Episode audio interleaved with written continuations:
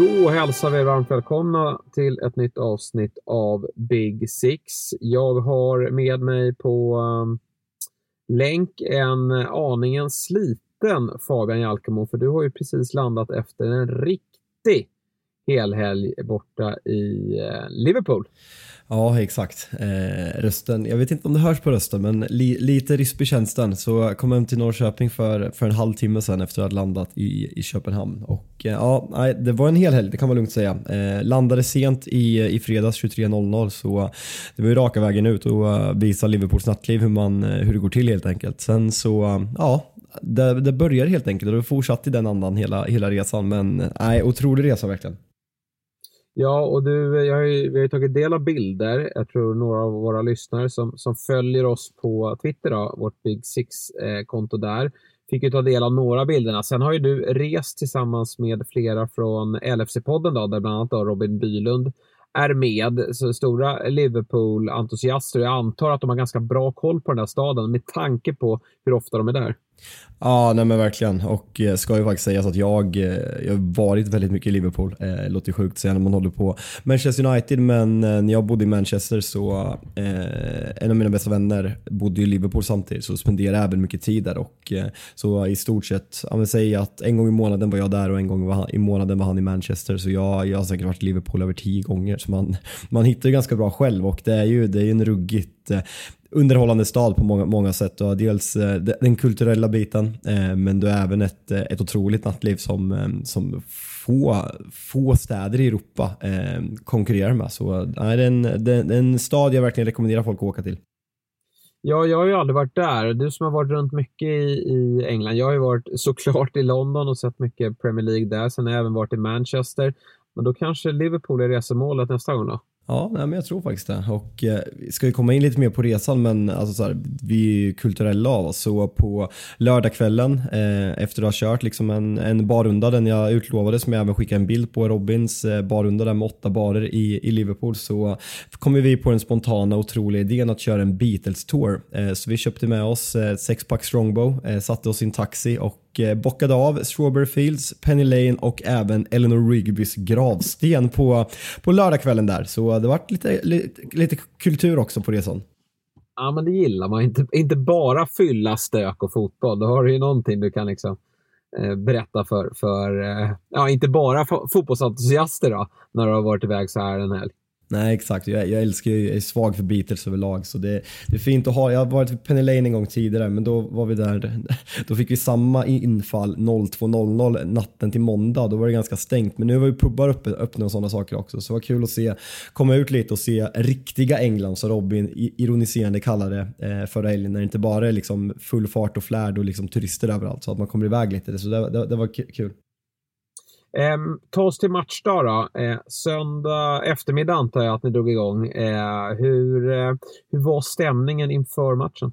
Nej, men det var, alltså så här, man, eh, det var, det var en ganska bra stämning. Det var, det var bra väder. Vi var på en, eh, på en som Beer Garden som de kallar det i, i England. Svinsnott från Tyskland som, som sagt.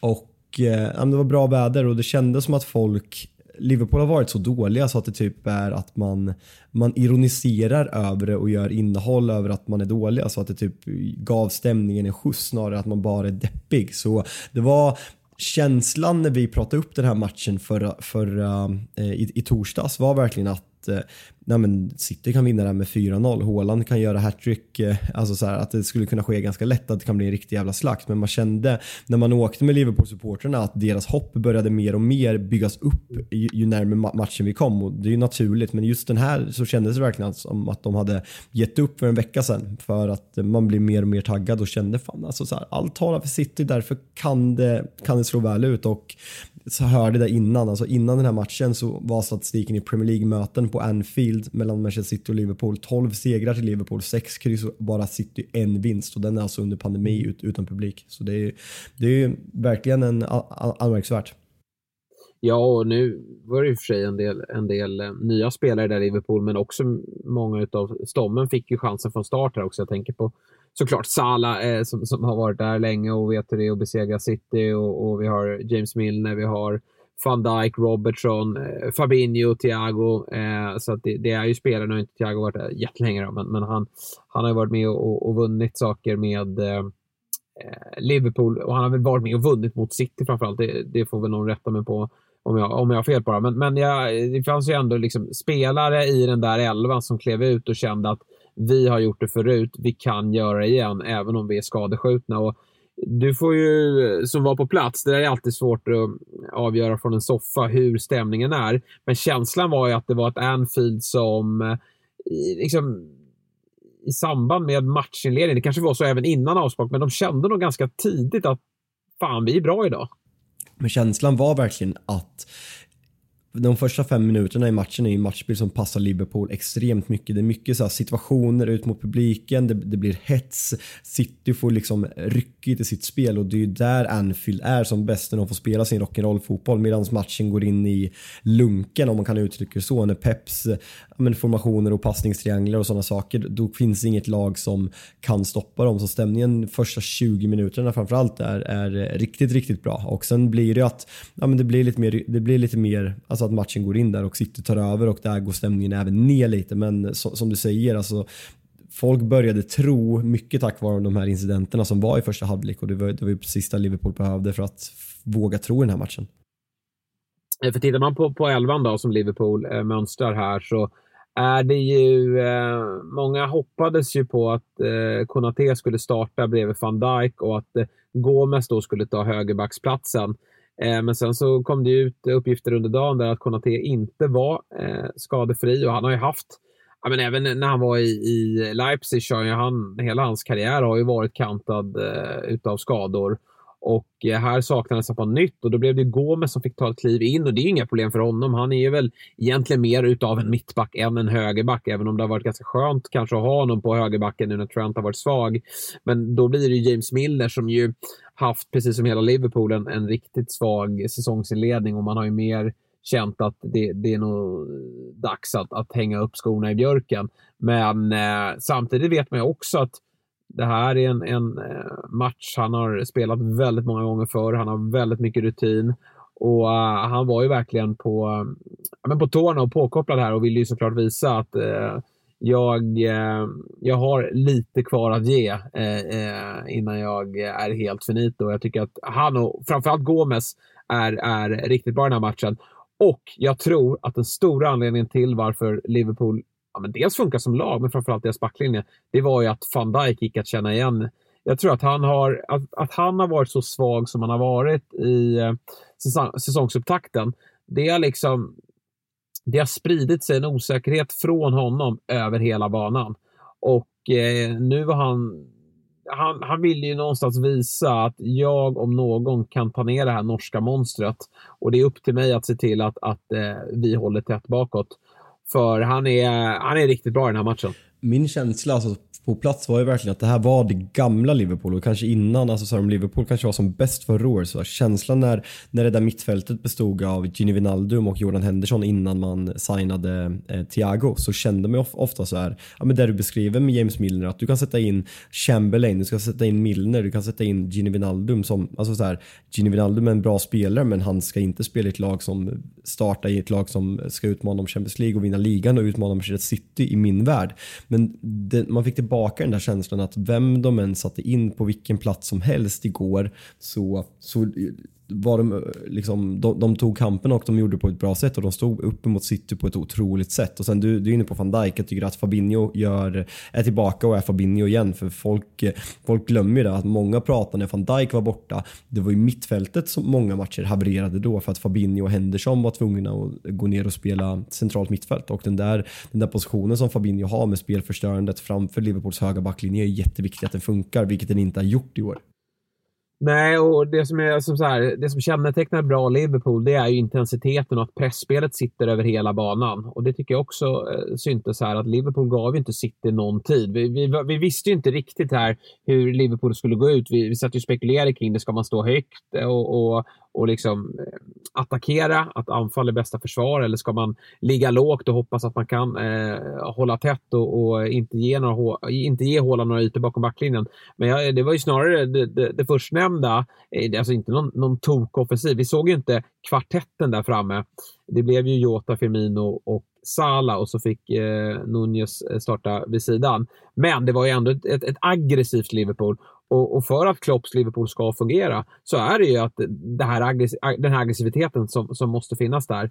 Och den där tycker jag inte riktigt mig ha sett tidigare. Vi eh, spekulerade väl så här. Rangers-matchen var ju, framförallt andra halvlek, första halvlek var ju inte bra, men andra halvlek var ju, var ju bra och man fick utdelning. Men man visste inte riktigt vad den segern eh, kunde ta Liverpool. Alltså det, det var ett svagt motstånd och vi har ju sett dem tvåla dit Bournemouth med 9-0. Så det var ju absolut ingen garanti bara för att man, man tog en 7-1 där att eh, man skulle gå ut och göra en bra insats mot City. Men det var ett, ett helt annat Liverpool eh, som, som eh, klev ut här och, och eh, nu får vi se vad Liverpool tar vägen här. Nu är det West Ham på onsdag och sen är det Nottingham Forest på, på lördag. Eh, det är möjligt att det här var att det var enkelt för Liverpool att tända till och det var underdogskänsla och så vidare. Men jag vill tro, jag vill tro, alltså när man ser Salah vara väldigt mycket bättre, Fabinho är väldigt mycket bättre, van Dijk går åt rätt håll, att eh, det bör eh, påbörjas en, en vandring upp i tabellen här nu. Ja, nej, men det borde, det borde verkligen göra och Eh, vad skulle jag säga, jag tyckte man såg, man har ju sett, vi har ju pratat om det här med formationsändringarna som Klopp har gjort och lekt lite med siffror och sådana saker och känslan har ju varit att Salah flyttats ut mer till höger. Nu ser man, alltså man ser ju hur de startar och hur högt han ligger och hur centralt han ligger i den här positionen och kollar man average position på den här matchen så är han, ja men deras, eh, alltså en nia snarare. Han utgår lite från höger som vanligt men att han eh, snarare en utgångsposition som en nia i, i snittposition och jag tyckte man såg inte bara de två lägena där ett mål och en, en fenomenal räddning av av, av Ederson. Men jag tyckte att det här var ju som att se Sala tillbaka. Eh, och vi pratar om att van Dijk är viktig. Det, det har ju varit så. Salas målskytte har ju räddat Liverpool väldigt mycket de senaste säsongerna. Det är lätt att glömma bort hur, hur fantastiskt jävla bra han har varit och när han går ner sig lite så det, det påverkar mycket. Du hade ju häftiga platser på så sätt att du satt ju precis bakom Ederson där väl i andra halvlek? Mm, exakt. Det var, normalt sett är jag ju skeptisk att sitta så nära för att man eh, ja, men, sitta bakom målet. Det är svårt att se de taktiska uppställningarna och sådana saker. Men sen samtidigt känner man, jag har inte suttit så nära. Jag, jag tror jag gjorde typ ja, men för 15 år sedan när jag var på en av mina första matcher. Men att du sitter på rad två bakom där och indirekt, alltså du kan känna svettlukten när de, är, när de kommer in och slår en hörna. Och en annan sak som var häftigt är att man ser hur fantastiskt jävla snabba spelarna är och hur skickliga de ja. är när man ser dem sådär nära och där ser man verkligen ja, men skillnaden kontra ett, kolla på Premier League och sitta, sitta på andra etage eller bara så här, kolla på allsvenskan när man, när, man, när man sitter nära. Så här ser man verkligen att du har Phil Foden som plockar ner en boll fem meter framför dig. Det, nej, det, var, det var jävligt mäktigt. Det var, man var starstruck på ett sätt att sitta så nära de spelarna och eh, fan, Håland stor alltså. Jävlar. Ja, Nej, det är ett monster. Eh, och, och, men, men alltså, Eh, du ska snart få berätta mer om stämningen då på Anfield, men, men jag, jag håller ju med dig. Alltså, när jag sticker över till Premier League, det är ju inte så att man har fått några jättehäftiga läktarupplevelser. Men just det här att komma nära, eh, få, få se hur skickliga spelarna är. För där, där är det väldigt enkelt för mig att jämföra med, med allsvenskan som jag ser eh, varje vecka när jag, när jag kollar. Men, men att, att komma så nära och se deras ja, men tek, deras tekniska briljans, att utföra den i den farten, det är ju jäkligt ballt. Och, och där du satt då, när du ser två av världens absolut bästa lag. Och där du också då hinner se Salah komma farandes. För jag hade ju tänka att när han vinner den här duellen mot Cancelo, det är ju svagt försvarsspel såklart från Cancelo, men det, defensiven är ju inte hans styrka. Det är ju lite eh, den smällen man får när man har en, en eller, och det är ju givet att man ska ha en ytterback längst bak. Det är inte så att man kan offra en, en, en en eh, nickstark mittback längst bak. Men, men det var ju det som skedde här. Eh, en duell mellan Sala och Cancelo. Och Cancelo, han går ju bort så Han bör ju nästan bara klippa Sala det första han gör. För då, då får han ju förmodligen ett gult kort, men, men det är ju nästan värt att ta. För när Sala då får det här friläget. Jag hinner i alla fall tänka i och för sig att den här bränner han. Eh, men, och, och, det är möjligt att om han inte hade gjort de här tre målen eh, tidigare i veckan så hade han nog, eh, det, det, var en ett så pass långt avstånd att han hade kunnat börja fundera. Och Ederson är ingen dålig målvakt, han kommer ut och gör sig stor. Men det var inget snack om saken. Vad, vad hann du tänka? Ja, men det var väl alltså just efter första missen också så var det verkligen déjà vu att han kommer i exakt samma läge och man det är ju verkligen när, när man är på plats i sådana där situationer. Kollar man på det live så är det väl fyra sekunder, tre sekunder från att han vänder bort Cancelo tills att bollen ligger i mål. Men det är ju verkligen, det går ju slow motion för man hinner ju inse väldigt tidigt att han är, ja men sådana där frilägen ser man fan inte ofta. Framförallt inte de här toppmatcherna. Han är fri, 30 meters friläge. Så äh, det, det, är klart att äh, som United-supporter är det mörkt att säga att men äh, arenan kokade efter, efter det där målet och äh, stämningen, det tror jag till och med måste gått igenom tvn ganska rejält men stämningen sista 20 minuterna är helt, helt otrolig verkligen på alla sätt och vis. Ja, och det var en otroligt häftig avslutning. David Fjell sa ju det i, i eh, Fotbollsmorgon eh, i morse. eh, en annan podcast som ni kan ta del av. Men där, där, där nämnde ju han att eh, eh den här matchen tog ju en annan vändning efter målet. Jag tyckte att den, den var bra även innan, men det, det, blev liksom en... Det var lite som en boxningsmatch. Eh, där, där, de kände lite på varandra och så kom man in framåt sjätte, sjunde ronden och, och så började slagen att sitta. Eh, och och, och eh, boxarna började öppna upp varandra. För det var ju verkligen vad som hände efter målet och det blev en, en jäkla häftig match med, med en del märkliga domslut, eh, otroligt mycket känslor och, och tränare som verkligen levde med. Och, och jag antar att det, det smittade av sig eh, upp på läktaren. Ja, men alltså hela grejen med Klopp och alltså med Pep, att man verkligen ser Klopps reaktion alltså när den händer. Alltså så här, att man ser den och sen kommer han tillbaka och börjar jaga och sen röda kortet och det, det där höjde ju bara upp liksom publiken ännu mer. Och när Pep börjar hetsa mot publiken, det är ju det dummaste man kan göra på Anfield. Det är ju samma, Arteta gjorde väl något liknande mot, mot Liverpool på Anfield för, för något år sedan. När, när efter den situationen Liverpool vände matchen fullständigt. Så att Pep går i den fällan är ju riktigt, riktigt, riktigt svagt. Ja, eh, och för de som var oroliga då, att, att Klopp tappat glöden. Han har ju sett, han har sett ganska, han har sett ganska eh, ja, frustrerad ut och, och ja, så jag har ju nästan sett sjuk ut efter alla nederlag här under hösten. Men eh, han visade ganska tydligt vad, vad den här matchen och de här tre poängen betydde för honom. Och ja, det, det, det kan ju ge Liverpool en ordentlig skjuts. Eh, för det, alltså, inte bara att man låg eh, många poäng bakom City inför den här matchen. Man hade ju väldigt många skador.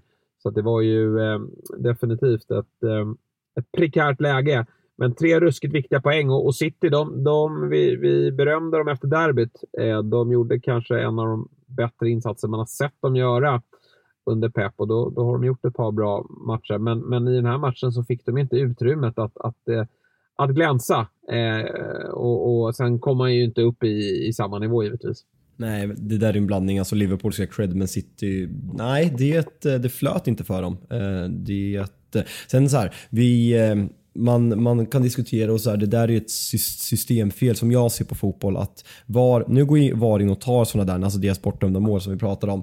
VAR går in och tar och ska peta uppbyggnad, uppbyggnadsfasen. Jag tycker inte att det där är tillräckligt såklart som jag ser på hur VAR ska användas. Som jag bara får dra vad jag tycker att eh, VAR ska in och ändra på. Så är det där en för liten händelse som du måste ha slow motion repriser för att se att Håland drar igenom uppbyggnad när det är liksom två, tre situationer efteråt. Jag, jag, det är samma med samma samma med eh, Martinellis mål han gör mot eh, Manchester United som döms bort när mm. Christian Eriksen ska ha eh, frisparken när Ödegaard eh, klipper honom. Det är ju för mig Säg, säg så här, det är dåligt av domarna. Domarna borde ju göra enkla, enkla för sig och ta den direkt. Men nu ska de vara så här sköna, de vill hålla en hög nivå i en toppmatch och sen så blir det sån här bar situation och det, det, det är larvigt. Men ja, jag vet inte fan. Jag gillar det inte heller. Alltså så här, ja, grattis till alla er som fick 100% rättvisa om det är det ni vill ha. Samtidigt så, så missas det ju så mycket i övrigt och, och ibland är, är domarna petiga, ibland släpper de allt. Det var ju det är, några, alltså det, är, det är situationer från varje helg alltså, där man undrar vad, vad, vad varummet sysslar med. Det kanske allra tydligaste var väl Ben Chilwells sträckta, mm. eh, sträckta ben där han eh, ja, tveklöst ska ha ett rött kort i match mot Aston Villa. Men, men ja, jag vet inte vad varummet kommer fram till då. Men, men här som du säger, alltså, ja det är klart att det går att döma en frispark, men låt domaren göra det då istället för att man ja, ska, ska låta ett mål eh, göras och, och, det är känslor på läktarna och spelarna firar. Ja, och så ska man då eh, spola tillbaka bandet och titta på någonting som eh, skedde långt, eh, långt innan. Då. Eller långt innan, men, men, eh, men vet, i, i upprinnelsen. Men vet du vad som var det bästa med det här att göra? Vi satte ju alltså, ja men vad kan det varit, eh, åtta rader från borta sektionen. jag som United-supporter, jag kan ju fortfarande hetsa mot eh, City-supporterna. Så det var, ju, det var ju det här jag fick bidra med stämningen på, att när de fick det där bortdömda målet, då, då fick de ju höra att. Ja, då klev du fram. Eh, ja. Men, men, eh, så du var, du var lite av en Liverpool-supporter då, matchen igenom eller? Nej, det var jag verkligen inte. Jag eh, var extra... Ja. Jag, är, jag, är neutral, jag är neutral panelmedlem i podcasten Big Six som inte... Ja, ja. ja. Ja, men det är bra det. Men, men för det här var ju ändå ett, ett, ett resultat som, som, jag tror väldigt många jublar över såklart. Eller så här, det, det, någonstans så bjuds ju Liverpool in här nu va. Alltså en, en till smäll här, en, en svag insats och en, en, en lektion från City. Fortfarande väldigt mycket fotboll ska spelas, men det, det hade ju varit nya negativa rubriker och eh, eh, jobbigt läge för, för Klopp. Nu fick man liksom 7-1 mot Rangers och så följa upp med att slå världens eh, bästa lag då, med 1-0. Eh, fullt rättvist på Anfield och, och styrkebesked från flera av eh, sina världsspelare. Det här gör ju att Liverpool nu eh, fram till, upp, fram till VM-uppehållet har ett ganska bra schema. Det är väl Tottenham man ska möta här tror jag också mm, eh, på bortaplan och den, den, blir ju såklart intressant. Men i övrigt så är det ju matcher där, där Liverpool är favoriter och Eh, kan man eh, rida vidare på det här nu så, så eh, bör ju tabelläget se betydligt ljusare ut för Liverpool. Och ja, då, då kommer man ju såklart att, att vara med i, i kampen om fjärdeplatsen. något annat har vi inte trott. Eh, något annat har vi, har vi faktiskt inte trott, det ska vi vara tydliga med. Sen har vi räknat bort dem från titelrace och jag sa att de inte kommer gå för, förbi Arsenal. Eh, så där, där, vill jag vara tydlig. Däremot har jag väl inte trott att Mohamed Salah eh, ska, ska, hitta tillbaka till den form han har varit i. Där är han väl inte riktigt ännu, men vi får se om han, om, om han eh, hittar dit kommer ju absolut sitta en bindel på Salla på onsdag mot West Ham i FPL.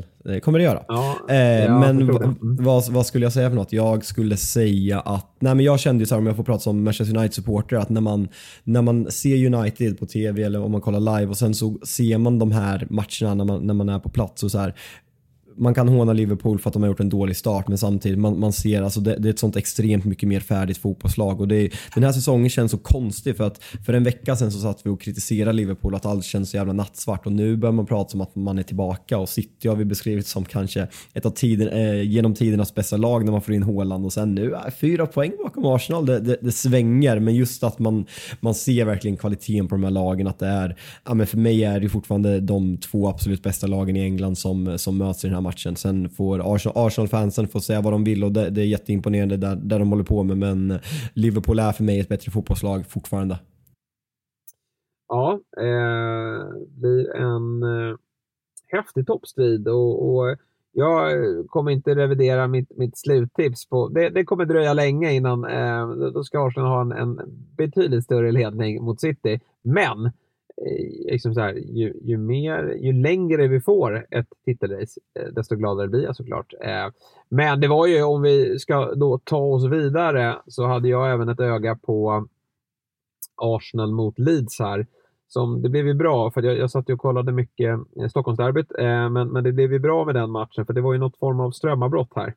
Eh, det var domarnas kommunikationssystem. Vad det nu har med, med, med eh, strömavbrott att göra, jag har ingen aning. Men, men eh, det, det var eh, rejält, rejäla problem på Ellen Road. Vilket då ledde till att matchen avbröts och blev väl uppskjuten cirka en halvtimme. Så jag, jag, kunde ta del av den här matchen. Och jag måste säga att det här var en, på gränsen till ett rån. det här, här skulle ju verkligen Leeds fått med sig minst en poäng. Men när Patrick Bamford bränner straff och, och Eh, när man har lite med sig varummet här också på att det inte blir något, eh, ett straff i slutet när Gabriel eh, eh först får rött kort men, men sen eh, varummet ändrar till ett gult kort. Ja, då lyckas Arsenal ändå få en trea och vi har berömt Arsenal, de har varit bra i väldigt många matcher och det finns ju någonstans även en styrka i att man, man tar tre poäng även då när, när spelet haltar. Mm. Vi, jag har ju tagit den där taken tidigare och fan den här matchen, jag, jag har inte sett hela den här spelet samtidigt som både Manchester United och Chelsea eh, som, vi, som vi såg på när vi laddade upp inför matchen. Men jag vet inte. Jag, jag trodde ju att Arsenal skulle tappa poäng i den här matchen och eh, folk börjar prata om att man har spelat mycket matcher, en, en svacka kommer och det är jättenaturligt. Men jag tycker ändå att det har varit, om vi bortser från toppmatcherna, det har varit några matcher där man har haft väldigt, väldigt mycket marginaler nu. Vi har det röda kortet i North London Derby, vi har en felaktiga straffer mot Liverpool och sen nu det här lite hjälp av VAR plus en väldigt dålig insats. Fan, det, det är för mycket som går med Arsenal nu. Det börjar bli provocerande. Ja, de, eh, de har verkligen medvind. Det är alltså nio segrar och en förlust. Det är en fruktansvärt bra start. Eh, sen är det fortfarande några Big Six-lag kvar att möta innan det vänder. Vi har ju bara kommit en, lite drygt en, en fjärdedel av säsongen, så det är många matcher att spelas. Men jag, men jag tror ändå att det är skönt för Arsenal att, eh, att de verkligen fick med sig en trea här och inte en poäng. För då hade ju det dåliga spelet också liksom, gett lite, lite extra huvudbry även när det sker under ett poängtapp. Då. Eh, Saka, eh, lite små, svag start eh, inledningsvis. Det var främst Jesus och, och Martinelli som gjorde poängen. Men nu är Saka igång. Ett, ett ruskigt avslut. Eh, Det bara small eh, uppe i, i, i nättaket. Och eh, han, liksom flera VM-spelare. Vi såg Mason Mount eh, göra två mål för Chelsea. Det är, eh, Kane har varit bra hela året. Jack Grealish har ju växlat upp, även om jag trodde att han skulle få starta. Phil Foden är het. Rashford eh, startade inte i matchen mot United, men det, det är många offensiva alternativ här nu som börjar komma igång. Ja, det, det, känns, som, känns som det är ett år sedan vi satt här i Big, Six-podden i, i september någon gång och pratade om hur då, dåliga form det är på alla de här spelarna. Och jag måste ju verkligen, ja men Saka, det kanske är den fotbollsspelaren som jag har gjort någon bedömning på som jag har varit mest fel på bollen någonsin. För jag har verkligen inte, jag har inte sett det. Eh, att han, ja men exempelvis att han tog över platsen från Phil Foden i EM förra sommaren. Jag, jag såg inte hans storhet och såg honom som en av de här många Arsenal-produkterna och unga, unga spelarna som blir alldeles för hypade av deras supportrar. Ja, men typ Guendouzi för att nämna ett exempel på en Arsenal-spelare som blir extremt hypad av, av, deras egna för att sen visa sig att han kanske ska hålla till i ett lag som slutar på 15 plats i La Liga istället eller i franska ligan. Men eh, Saka, eh, det börjar ju bli en världsstjärna på riktigt och eh, med den åldern och med den, eh, med den hur länge han har varit i klubben så är det såklart jävligt häftigt och, eh, och fint på många sätt. Han är ju på något sätt ansiktet utåt för det Arsenal håller på med nu. Eh, blir han ju. Mm, verkligen. Eh, fyra plus fyra hittills i år och då var det som sagt en liten småknackig start där han inte riktigt eh, eh fick eh, poängen med sig. Eh, ska bli eh, kul att se hur långt han kan bära Arsenal, men eh, Jesus var svag i den här matchen. Jag tycker Martinelli såg ganska blek ut och nej, Arsenal hade problem. Började ganska pikt, men, men sen så gick de inte riktigt att känna igen. Och efter målet känns det som att de själva också, äh, kanske är lite slitna, jag vet inte, men, men eh, Leeds tryckte på, men eh, när, när Bamford inte ens gör mål från 11 meter, då, då liksom så här, i fjol lyckades ju Rafinha ganska ofta kunna kliva fram eh, och, och eh, se till att eh, det löstes några poäng i, i slutskedet av matcherna. Men eh, ser inte riktigt den där stjärnan i Leeds som kan eh, kliva fram när det, när det som mest behövs. Nu har man ju jag, jag, jag, tror inte det ska vara någon fara ändå på taket. Jag, jag, tycker nog att det bör kunna finnas tre lag som är sämre, men det tyckte jag även i fjol och då var de illa ute, så vi får väl se här vad som, vad som händer med Leeds eh, under säsongen det som ska sägas mer smart är att han har fått ordning på det där försvarsspelet för det, det kommer man ja. ihåg. Alltså det, var, det var ju ett skämt förra året med, med Bielsa och man snittar ju fyra insläppta per match där ett tag. Nu är man ju målsnålare, man gör ju dock även mindre mål men det har ju mycket med att göra att Bamford har inte kommit tillbaka sen skadan som han drog på sig för ungefär ett år sedan. Han har, inte, han har säkert inte spelat fem raka matcher sedan dess och eh, att man har blivit av med, med, med Rafinha också. Det är ju verkligen deras två bästa spelare. Jag vet inte, Rodrigo börjar ju väldigt, väldigt starkt så han behöver ju komma, komma in i den formen han hade innan han drog, om han drog axeln ur led eller vad han gjorde. För eh, där måste de ju få igång målskyttet, även Jack Harrison som ska kunna göra eh, mycket poäng. Ja, Leeds behöver nog gå in och handla en eh, anfallare här under januarifönstret. För Rodrigo tycker jag är lite mer av en droppande. Alltså han, han kan ju spela bakom en, en spjutspets, men Bamford går ju faktiskt inte att eh, förlita sig på. Viktor Gyökeres kanske i januarifönstret. Vad tror du om det? Ja, vi har ju bra insight på honom också och slår ner när, ja, när folk rapporterar om fel så ja, det skulle kunna vara något. ja, vi, vi, kan höra oss för där bland våra källor. Han gjorde ju faktiskt mål i helgen igen så att eh, han gör det ju eh, riktigt bra i, i Coventry och kanske är redo då för, för Leeds United här i, i, i januari. Big Six har ett samarbete tillsammans med ATG och eh, vi ska ge er veckans spel. Fabbe, hur lyder det? måste ju börja med att säga att det var ju surt eh, på, på många plan när Fodens mål blev bortdömt. Vi hade ju alltså spelet ja. Foden eh, mål, eh, City vinna, kombinationsspelet där. Så det var ju väldigt surt när man så, såg var den kom där. För man, man kände ju när man hade satt den där och var på plats att lappen satt fint. Men vi fortsätter faktiskt på kombinationsspel i stormatcher och Eh, Manchester United, Tottenham som vi även pratade om i podden idag. Eh, jag tror att det är dags för Hängnesson att eh, vakna till liv. Eh, jag tror att Tottenham vinner den här matchen och det här kombinationsspelet erbjuder ATG 5 och 75 för. Riktigt fint faktiskt. Eh, vi minns ju, eh, ja du minns det, 6-1 var det väl när Son mm. gjorde hattrick på Old Trafford. Så att han har fina minnen därifrån. Men nu räcker det att han bara gör ett mål då. Men glöm inte att ni måste vara 18 år för att få spela och upplever ni problem med spelande så finns stödlinjen.se till hands. Och den här finns precis som vanligt på dob.one big 6. Ja, men tre viktiga poäng för Arsenal och vi konstaterar även tre viktiga poäng för Chelsea. Och det var ju inte heller helt rättvist. Eh, alltså, Aston Villa, nu blir det ju 2-0, men Aston Villa har ju definitivt bud på ett, eller mm, eh, åtminstone ett, kanske två mål. Ja, Kepa, alltså Kepa, det går ju att prata om hans revival eh, hur länge som helst för den karriären hade man ju räknat bort. Men jag, jag brukar ju alltid Alltså så här, fotboll handlar om att vinna matcher och tränare som står och hyllar lag efter förluster brukar vara ganska pajigt men det kändes ändå naturligt när Steven Gerrard står efter den här matchen och säger “We were absolutely sensational” eh, för Villa förtjänar att vinna den här matchen och det är typ offensivt eh, det bästa jag sett Villa. Eh, de, de är bra mot, eh, mot City också såklart men här, är ju, här, här för man ju spelet på ett sätt mot, eh, mot, mot Chelsea och Eh, nej, eh, minst kryss men eh, är det något lag som borde vinna den här matchen så är det Villa. Sen som sagt 2-0, det, är svårt att, det är svårt att säga så egentligen då, men nej, Villa såg bra ut och Chelsea återigen där. Är det starkt att vinna trots att man inte levererar eller ska man börja ställa frågetecken för att spelet... Potter kändes inte nöjd efter det här, verkligen inte. Nej, han, gjorde ju, han agerade ju redan i paus och tog in Koulibaly och Havertz fick lämna och, och um, Eh, det var väl även Aspilicueta som kom in där också. Så de, han gjorde ju förändringar och, och, och sen så plockade han ju av Eh, ganska tidigt i andra halvlek gjorde han ju också. Eh, Aubameyang fick kliva ut och, och Gallagher eh, klev in. Och sen kom eh, Jorginho in också. Så han, han agerade ju väldigt tidigt i hopp om att förändra matchbilden. Men han fick inte riktigt tag om matchen. Och, men det är ju sjukt med Aston Villa. Alltså, de, har, eh, de har alltså spelare som Watkins, eh, Danny Ings, Buendia, Philippe Coutinho. På tio matcher har man gjort sju mål.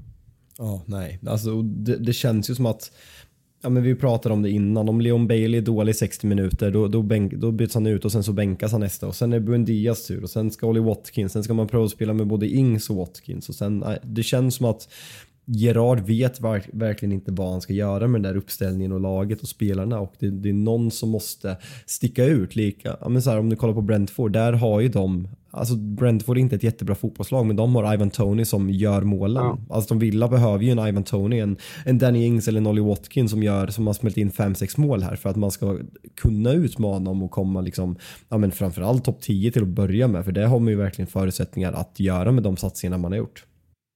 Ja, vi får se hur tålmodiga ledningen är. De, de ser väl ändå att det går åt rätt håll, sagt, gör en, en bra match här, men samtidigt så går det ju liksom inte heller peka på att en anfallsvärv... Egentligen så här, Leeds tycker jag ska värva en anfallare. Men, men, men alltså Watkins, den Ings, det ska ju vara tillräckligt bra. Det, det, det handlar ju om att få igång det man har. Eh, alternativt att sälja någon av dem och få in eh, kapital. Det finns ju även en anfallare i motståndarlaget som, som hoppar in här i, i form av Broja. Eh, som, som ju visade i Southampton i fjol att han, han eh, förtjänar ju speltid. Kanske inte i en Big Six-klubb, men, men eh, strax därunder. Och det kanske skulle kunna vara av intresse för, för någon av klubbarna också. Men, men Aston Villa behöver framförallt jobba på utveckling av sina spelare och, och ja, jag, jag, blir besviken. Jag tycker att spelare som Coutinho och Buendia, ja, de, de besitter ju så mycket men man får ju inte ut eh, tillräckligt mycket av dem. Nej. Ska jag även säga att med Chelsea, jag tror inte vi nämnde det förra veckan eh, när, när, vi pratade om dem, men Kanté är ju alltså borta till och missar, missar VM till och med va? Eh, en ganska ja. allvarlig setback med muskelskada, tre månader out. Eh, och det är ju det är ett jätteavbräck för Chelsea och man börjar väl tyvärr få ge upp på hans karriär och det är bara tragiskt att han har fått de sista egentligen tre åren förstörda så mycket av skador för han, eh, vi vet alla vad han betyder för Chelsea när han är på den där planen. Ja, och ännu värre skadebesked nästan för Chelsea. Det är ju när vi eh, slog oss ner här i fredags var det väl? Nej, tors nej fredags. Ja. Eh, så eh, konstaterade vi att Reece James han skulle missa en eller två matcher, men det är ju värre än så. Eh, det pekar, eller han har gått ut och sagt att det, det är en kamp mot klockan här. Förmodligen missar han ju VM. Och eh, tungt för England eh, och framförallt tungt för, för Chelsea här fram till dess att VM spelas. För där, ja, det finns ju ingen en tydlig ersättare där eh, för honom utan då får man nästan ändra i, i formationen. Jag, jag blir inte så förvånad över att spelet hackar när han är borta för att han är, eh, ja, men han är så viktig på det sättet som Potter vill spela. Men en spelare som har fått eh, fart under, under eh, vingarna, eh, han var ju bra under Tuchel också, men han var väl inte jättebra i säsongsledningen. Det var ju Mason Mount, men han har ju eh, varit riktigt pigg under eh, Potters ledning. Mm. Ja, men det, det, är, det är jättekul att han, att han kommer in i det, för många trodde ju på honom. Han har väl egentligen fått sitt stora genombrott, men när han, när han även börjar göra poäng på det här sättet, två plus två sista två ma li, eh, matcherna i ligan, eh, visar ju bara. Och Chelsea har haft lite samma problem där som vi är inne på Villa. Sen är det så här, olika nivåer som sagt, men att de har, ja, men de har så himla många spelare. Pulic, ha, eh, Havertz, Ziyech, Sterling, Aubameyang, Mount, eh, Alltså så här, det känns som att vem de än spelar så blir det inte så mycket skillnad. Alltså deras rotation märks väldigt lite och det kan ju vara en styrka men man vill ju även ha ja, men en Sala för att ta Liverpool eller en Haaland för att ta Manchester City eller ja, men Gabi Jesus som har varit den spelaren i Arsenal hittills i år. Där saknar Chelsea någonting och där är det väldigt viktigt att Mount nu, nu kliver in här. Eh, och det blir, det blir tufft nu hur man löser det här med Reece James fram till VM för vi vet att de har ett ganska tufft schema och eh, alternativen där är inte jättebra. En, en ytterbackskada på andra kanten, nu har man Chilwell, du har Kukureya, men här borta, det är Loftus Cheek som spelade nu, du kan spela med Aspilicueta. Det, det är riktigt nedåtgående eh, nivåskillnad på de spelarna som ersätter Reece James där, så det är viktigt att de håller ihop nu tills han är tillbaka efter VM. Mm. Eh, jag kommer ihåg när, när Potter tog över, då sa man ju att eh, nej, han, han, eller den Potter vi, vi lärt känna och, och, så som det såg ut i Brighton, det är ju att han, han kontrollerar matcherna och att defensiven då eh, kommer sitta. Sen släppte han in mål mot eh, Salzburg i, i öppningsmatchen. Där fick han med sig ett kryss. Eh, vilket ju inte var bra eh, på Stamford Bridge. Sen var det Crystal Palace på bortaplan. Där släppte de också in mål, men sen dess då, men de vann den matchen. Och nu har de alltså fem raka segrar och de har släppt in ett mål på fem matcher. Ja. Eh, och då har man alltså mött Milan i ett dubbelmöte. Så det, det, äh, det, det är en riktigt bra start för Potter och det är en bra start för den här defensiven. Och Kepa då, som har ju tagit platsen. Mondi var ju skadad inledningsvis, men ja, det var ju många som trodde att äh, men det kanske kan bli Kepa ändå för att det är en målvaktstyp med hans fötter som, som Potter ändå föredrar. Och, och, nu blir han ju efter, för det här var ju hans bästa insats, kanske någonsin i, i Chelsea. Jag vet inte hur många bra insatser han har. Men, men eh, det var ju några helt otroliga räddningar. Ja, nej, men det är han som räddar poängen åt dem och det är ju som sagt, alltså, det, man har nästan glömt bort vilken floppvärvning det här är. Alltså, det är ju väl fortfarande den dyraste målvakten i, i fotbollshistorien. Ehm, och eh, att, att man floppade så rejält och att, man, att Chelsea kände att man var tvungen att värva in Mendy efter så kort tid. Det, så han har ju suttit på en hög lön, kan inte lånas ut ordentligt för att han, ja men det är ingen som kan betala den lönen och sen nu får den här revivalen. Sen, man ska inte ropa hej igen, han har varit bra i, i 3, 4, 5 matcher. Men eh, det är ju kul för honom för man har ju verkligen tyckt synd om Kepa. Han ser så, ja, men han ser så pojk, pojkaktig och eh, ängslig ut. Ja, och det här blev ju såklart inte vad han hade tänkt sig, men eh, ja, han har eh, eh, som jag har förstått det, inte gnällt utan varit en, en, en, bra lagkamrat och har ju fått några chanser under tidigare eh, ledning. De spelar ju så många matcher så att det har jag, jag har ju fått ha chanser i lite kupper och sådär. Och kommit in och gjort bort sig på någon straffläggning och sådär. Men, men nu känns det som att han, han eh, faktiskt har första posten. Får vi se om, om han en, en, tavla kan ju absolut dyka upp, men där tror jag att, att Potter, eh, han har nog ett, ett, ändå ett, ett visst förtroende nu framåt för honom. Just det här med att han är skickligare på fötterna. Du Fabbe, vet du vad som var det bästa med din eh, Englandsresa? Berätta. Det var att du slapp kolla på United. Ja, du, du, är inte fel, du är inte fel i sak. nej, nej, men du, du har ju absolut inte fel saker där. Och det är ju faktiskt så att när jag gjorde en liknande resa i, i våras med, med två vänner hemifrån Norrköping så åkte vi och kollade på, de skulle åka och kolla på Liverpool-Watford och eh, då spelar de ju också samtidigt eh, på lördagen United möter Leicester. Så då lämnade jag dem så de fick köra hel, heldagsuppladdningen med, med polos och Liverpool och jag tog tåget själv till Manchester, mötte upp några kompisar och sen bara kände jag så här, fan jag, har, jag har liksom lagt 12, 13, 14 timmar på det här för det är ändå där, där det tar med hela uppladdningen och samtidigt som man får videos från när de har så jävla trevligt och de man åker med och det är fest innan, det är fest efter och sen kände jag nu så här, ska jag göra det igen? Jag hade kunnat satt mig själv på det där tåget, åkt och kollat på Manchester United mot Newcastle 0-0 bara såhär, nej men fan, Liverpool City lockar plus att jag, eh, och, och det var dit jag ville komma, när matchen blev 0-0, alltså jag var så tacksam att jag inte satt mig och åkte, åkte dit. Jag hade mått så dåligt så det finns inte. Nej, men du valde verkligen rätt match här och eh, ja, alltså Newcastle är ju en tuff motståndare. De är ju fortsatt stabila bakåt och eh, ja, men har absolut lite lägen framåt eh, och i synnerhet på fasta situationer tycker jag de är tunga. De har ju, ja, men Joel Linton har ju eh, någon, någon eh, två i virket där i en situation i första och, och känns som att United har en del problem där.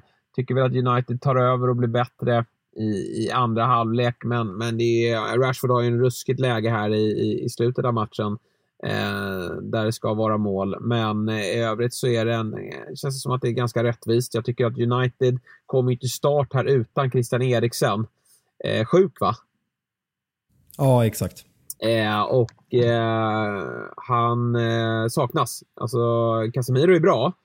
Eh, men men att få in Fred och Casemiro, det tycker jag är lite tunt. Eh, jag, eh, eller tunt, jag tycker att det, det saknas kreativitet framåt. Där, där har Eriksen varit väldigt bra det är ändå surrealistiskt att man sitter, jag, jag håller med dig, så det är bara surrealistiskt eh, att man sitter och kritiserar alltså Brasilia, Brasiliens landslags ordinarie innermittfält de senaste åren för att det är okreativt för att spela i Manchester United. Och man, man Men där är problematiken är, alltså så här, i, i, Barcelona, i Brasilien så finns det ju lite mer kreativitet framåt. Eh, en aning ändå. Och där, där, där, kan ju de bara fokusera på att vara destruktiva. Sen tycker jag att Casemiro, han har ju faktiskt bättre fötter än vad... Alltså man tror bara att han han är någon form av städgumma som, som eh, är där för att förstöra spelet. Men, men han är ju en, en skicklig spelare. Men jag tycker att i och med att han, han sköter defensiven så bra så finns det utrymme för en Eriksen som kan mer blåsa på framåt.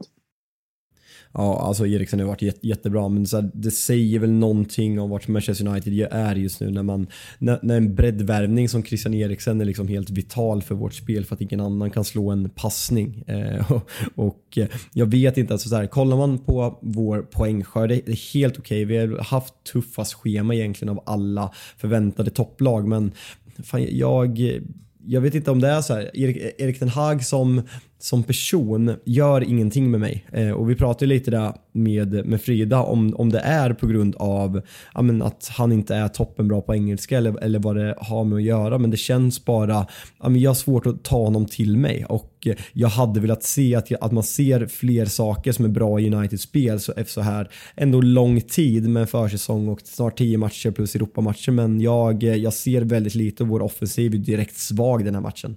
Jag, eh, jag måste faktiskt hålla med. Jag tycker liksom så här, i, linjerna i spelet är ju inte där. Och det, jag vet att det kan, det kan ta tid för vissa eh, tränare, i synnerhet också i Manchester United där det har varit så ja, men det har ju varit så stökigt under många år. Det är många spelare som man måste tina upp.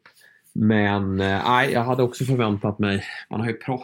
Alltså, dels har man ju sett Ajax. Eh, och det är möjligt att han inte liksom, rent pedagogiskt får ut det han vill för att han, han brister i i sin engelska. Eller så är det för att spelarna inte är tillräckligt bra ännu.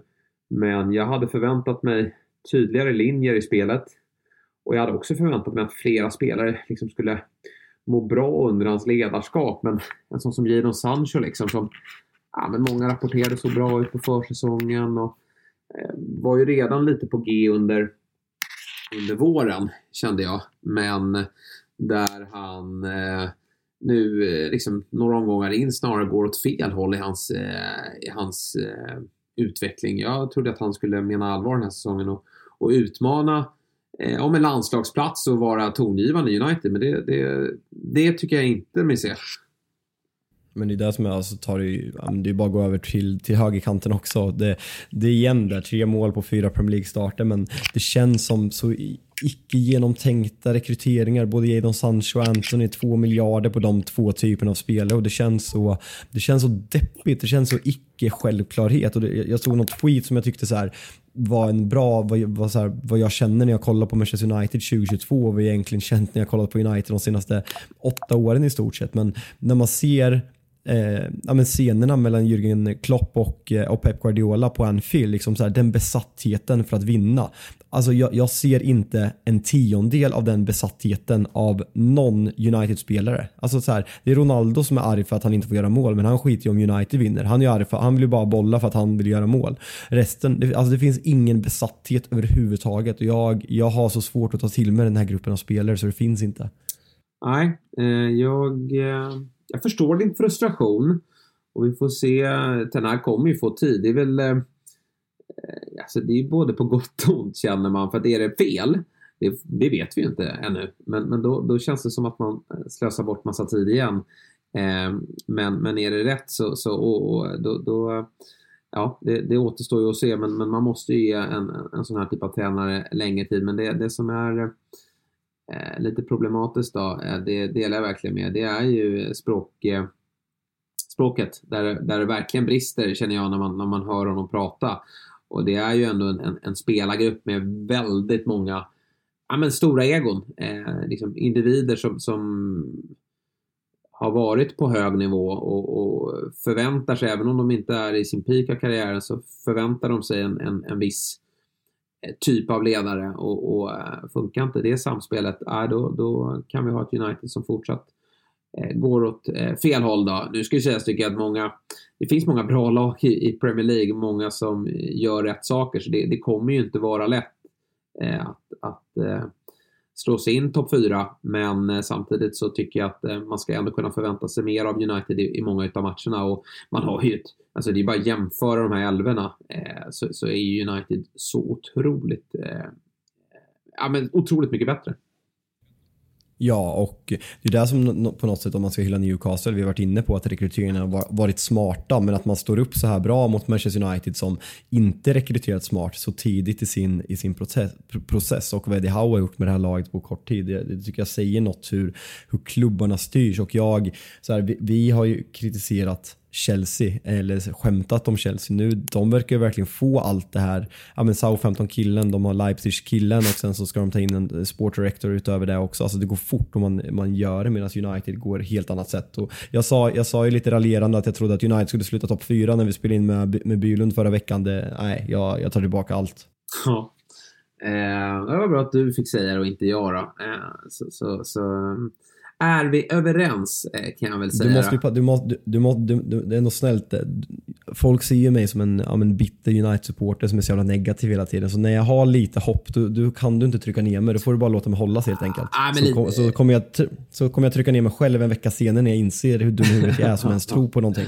Ja, lite så är det. Vi får se vad, vad, vad det här eh, innebär för klubben. Men, men jag tror man kommer hålla i Tenaget. Och jag, jag ska inte döma, eh, döma ut honom för det, det, är, det är inget lätt arbete och han har inte fått de nyförvärven eh, han har velat ha. Eh, eller ja, Anthony fick han ju. Men, men eh, det, det, det måste få ta lite tid den här gången. Men eh, vi får se vad det vad det blir utav det hela då. I övrigt då, ja, eh, mycket har sagts idag. Spurs, eh, alltså det, jag orkar knappt prata om det. Jag såg den här matchen på lördagskvällen och det ser ut precis som vanligt. Man vinner utan att imponera. Ja, och eh, ja, det är Harry Kane. Alltså så här, att, han, att han lyckas, det är så jävla fascinerande att han, att han lyckas göra de här målen. Alltså så här, Spurs är dåliga, man kommer inte till jättemycket chanser men ändå har vi Harry Kane. Vad har han gjort? Nio mål på tio matcher och hade det inte varit för att det fanns en, en norrman som inte kom från planeten jorden så hade man ju pratat om Harry Kane som världens bästa anfallare just nu med den, med den formen. Och eh, nej, det är ett, eh, fascinerande och det är som du säger, det känns som en, en bok man har läst många gånger och ja, är det imponerande? Är det dåligt? Ska man ifrågasätta det? Jag, jag vet ärligt talat inte. Jag, här, jag har svårt att landa i vad jag tycker om Spurs. Nej, samtidigt så här, Everton är...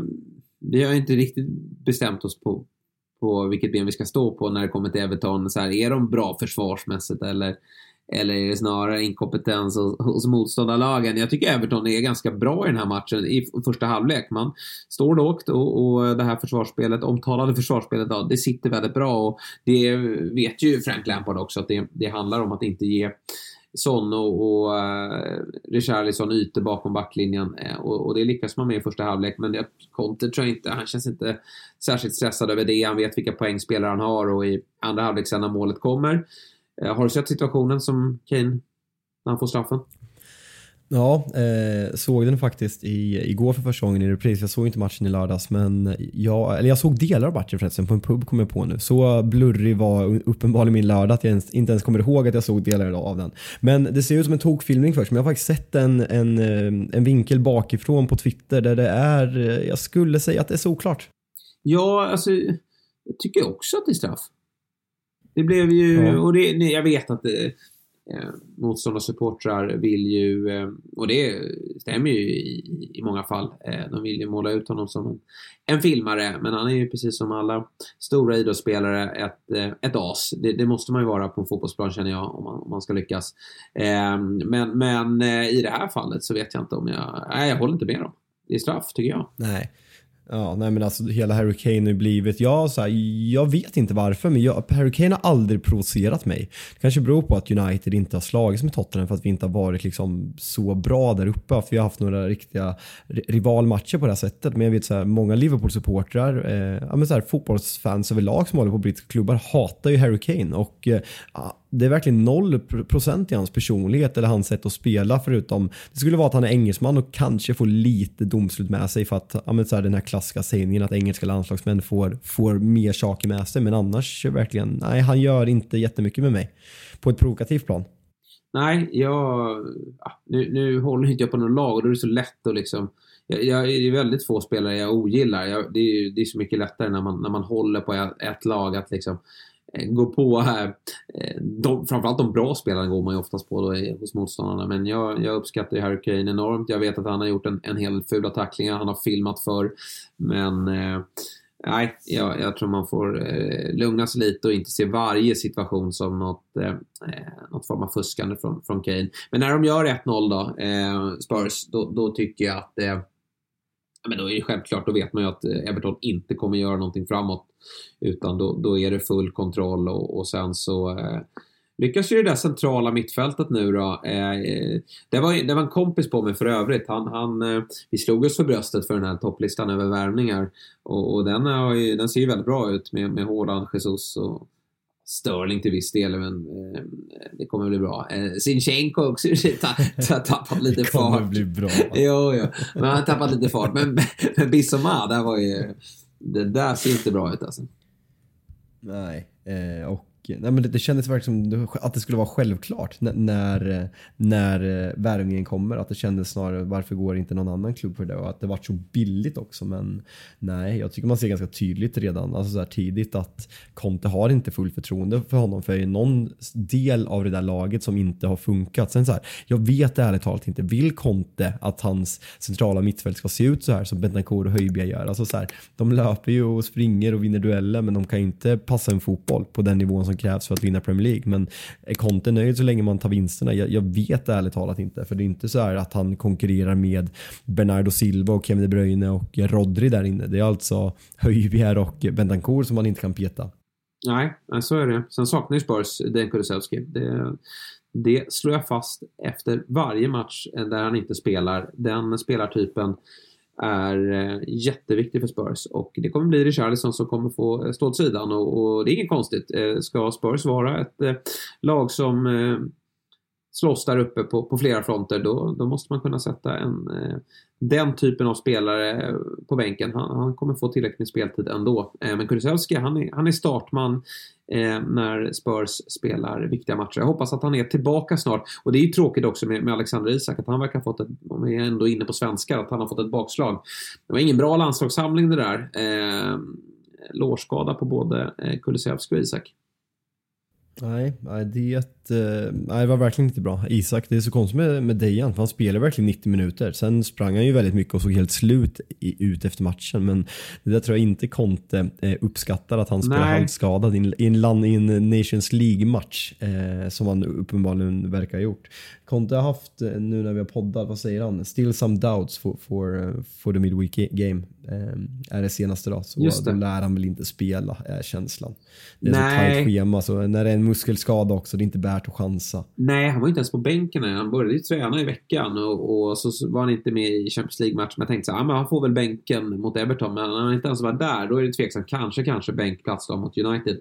Men det är väl liksom, nu är det midweek här. Vi vet att City Arsenal, den har flyttats på. Men skulle jag spelat sina omgångar, vilken match det hade varit. Eh, samtidigt kan jag känna att den vill jag ha nästan en, sån här, en söndag 17.30. Eller måndag 21.00. Men nu är det Midweek och det stora mötet det är ju Manchester United mot Spurs. Mm. Och det är ju alltså så här, det är, ett, eh, det är en väldigt viktig match för framförallt Manchester United. För tappar man här så börjar man tappa rejält på topp 4. Och eh, då, då kommer man in i så här något mellanläge där, där de befann sig egentligen hela förra säsongen också, där man inte slåss om någonting och då tror jag att det kan, ja men den här nystarten kan nog få sig en ganska rejäl törn om man börjar halka efter. Eh, för vi, alltså så här, man, man har ju färskt i minne, man kommer ihåg när Bruno Fernandes och alla kom ut efter varje match och det var en repig skiva som sa samma sak att this is not Manchester United way och Gary Neville pratar om vad Manchester United är för klubb och vad det har varit i Sky Sports. Man orkar ju inte höra det. Nej. Det är väldigt viktigt för United att hänga med här. Ja. Samtidigt så här, jag, tror att, jag tror att Spurs är toknöjda med, med, med ett kryss i den här matchen men jag, fan, United, alltså så här, kommer, kommer Spurs till eh, på, på rätt dag så vet vi sedan gammalt att de kan straffa United rejält. Framförallt Son och Kane är ju bra mot United historiskt sett så det är ett eh, jävligt oviss match på, på förhand. Ja, intressant här vad United gör med Ronaldo då. Han har ju faktiskt inte gillat att spela honom i de större matcherna. Eh, det är möjligt att det blir väl eh, Rashford då. Det är möjligt att Elanga slängs in i en sån här typ av match för, för att gnugga pressspel. Ja, alltså han gjorde det mot Liverpool och gjorde ett bra så ja. han ju typ inte synts till sen sådär. Men jag tycker att man, man, ser, alltså Ronaldo är så långt ifrån vad Erik Ten Hag vill ha av en anfallare. Martial kommer ju aldrig kunna spela på grund av sina skador men Rashford, ja, Rashford spelar ju den där rollen eh, för att ligga på rullen mot både Arsenal och Liverpool så det, det, tror jag absolut att han kommer göra. Sen är det mindre ytor bakom Spurs för de är ju väldigt riskminimerande med den där fembacken eh, ska sägas men nej fan Ronaldo det är ett det är så ledsamt fan, det gör ont att se honom. Ja, men intressant att se Portugal gör med honom. Alltså det, de har ju så många bra offensiva spelare. Eh, nu gick ju Jota sönder. Det är för övrigt många VM-spelare som får kasta in handduken här nu. Alltså det är, ja, du har redan nämnt Kanté, vi har Reece James som är i farozonen. Eh, Diego Jota. Så det, ja, det, och så är det ju alltid. Eh, stora spelare som missar VM. Mm. Men, men i, i Portugals fall då med Ronaldo, det är ju det går ju inte att bänka honom. Alltså, han är ju startman, men, men han var ju riktigt svag i den senaste samlingen. Och ja, nu gjorde han ju mål här mot, eh, eh vilka var det? Everton va? Men, men i övrigt så har det inte varit jättekul att, att se honom. Nej, verkligen inte. Nej, alltså, Portugal, Portugal borde nästan peta honom, men det är som du säger, det, det kommer de inte göra. Om man har stor status i Manchester United så, så har han väl guda, gud, gudastatus bort i Portugal eh, med tanke på vad han har gjort och den, den stjärnstatusen han har där. Så nej, det kommer inte ske såklart. Mm. Två lag som gärna vill ställa om, får vi se vilket lag som eh, får det göra det. Men jag, jag, är med dig där verkligen med United. Det får inte bli, alltså även om man kommer missa Champions League så, så, så får det liksom inte vara vi vill ju inte konstatera det i januari, eller, eller ännu värre i, i VM-uppehållet. Utan det hade ju varit fint om United liksom hade kunnat haft lite känn. Och det här är ju en säsong där många lag tappar poäng. Ja, nu har ju City och Arsenal varit väldigt bra. Eller framförallt Arsenal då. City har ju gått på några miner. Men övriga lag har ju lite poängtapp här och där. Och, och då ska det ju vara en sån säsong där man faktiskt kan hänga med. Men, men liksom, torskar man den här typen av matcher eh, hela tiden mot Big Six-lagen. Nu har man ju visserligen en trepoängare mot Liverpool. Men då, då, då kommer man ju halka efter till slut. Ja, men det är det man verkligen inte vill. Alltså så här, det är det som jag som, jag som supporter, alltså så här, att man låter bitter och eländig och sådana saker. Det är ju för att jag saknar att tro på saker. Att, ja, men den känslan att du går in i en match i slutet och så här, man har ju hånat Arsenal-supportrar som firar en topp 4-plats på den tiden man gjorde det. Men nu, jag skulle, alltså så här, jag skulle dö för att bara komma i en strid med topp 4 ända in i målsnöret och få en toppmatch i, i april som gäller någonting. Det känns, det känns som att man, man spelar inte matcher som gäller någonting längre och det, det, det så det, det är viktigt, viktigt att vinna och sluta till, tillbaka efter den här derbydebaclet och sen även ja, men en ganska medioker insats mot Newcastle får vi ändå säga. Mm. Bra så Fabbe. Eh, vi eh, tar väl ner den här midweeken. Det är några andra intressanta matcher. Se om Liverpool kan studsa vidare. Chelsea har ju Brentford. Får se om det blir... Potter fortsätter rotera där. För sen väntar United eh, till helgen. Så det, det är många viktiga matcher här nu framöver. Och vi ses väl... Bestämde vi någon dag när vi kör igen eller? vi kör väl på uh, torsdag typ efter, eller vi får se om vi kör torsdag eller fredag. Det beror på lite uh, vad som händer. Ja, exakt. Vi, vi, vi får se när vi uh, hörs igen. Och fram till dess så, så får du ha det så bra och det gäller även er lyssnare. Ha det fint så hörs vi framåt slutet av veckan.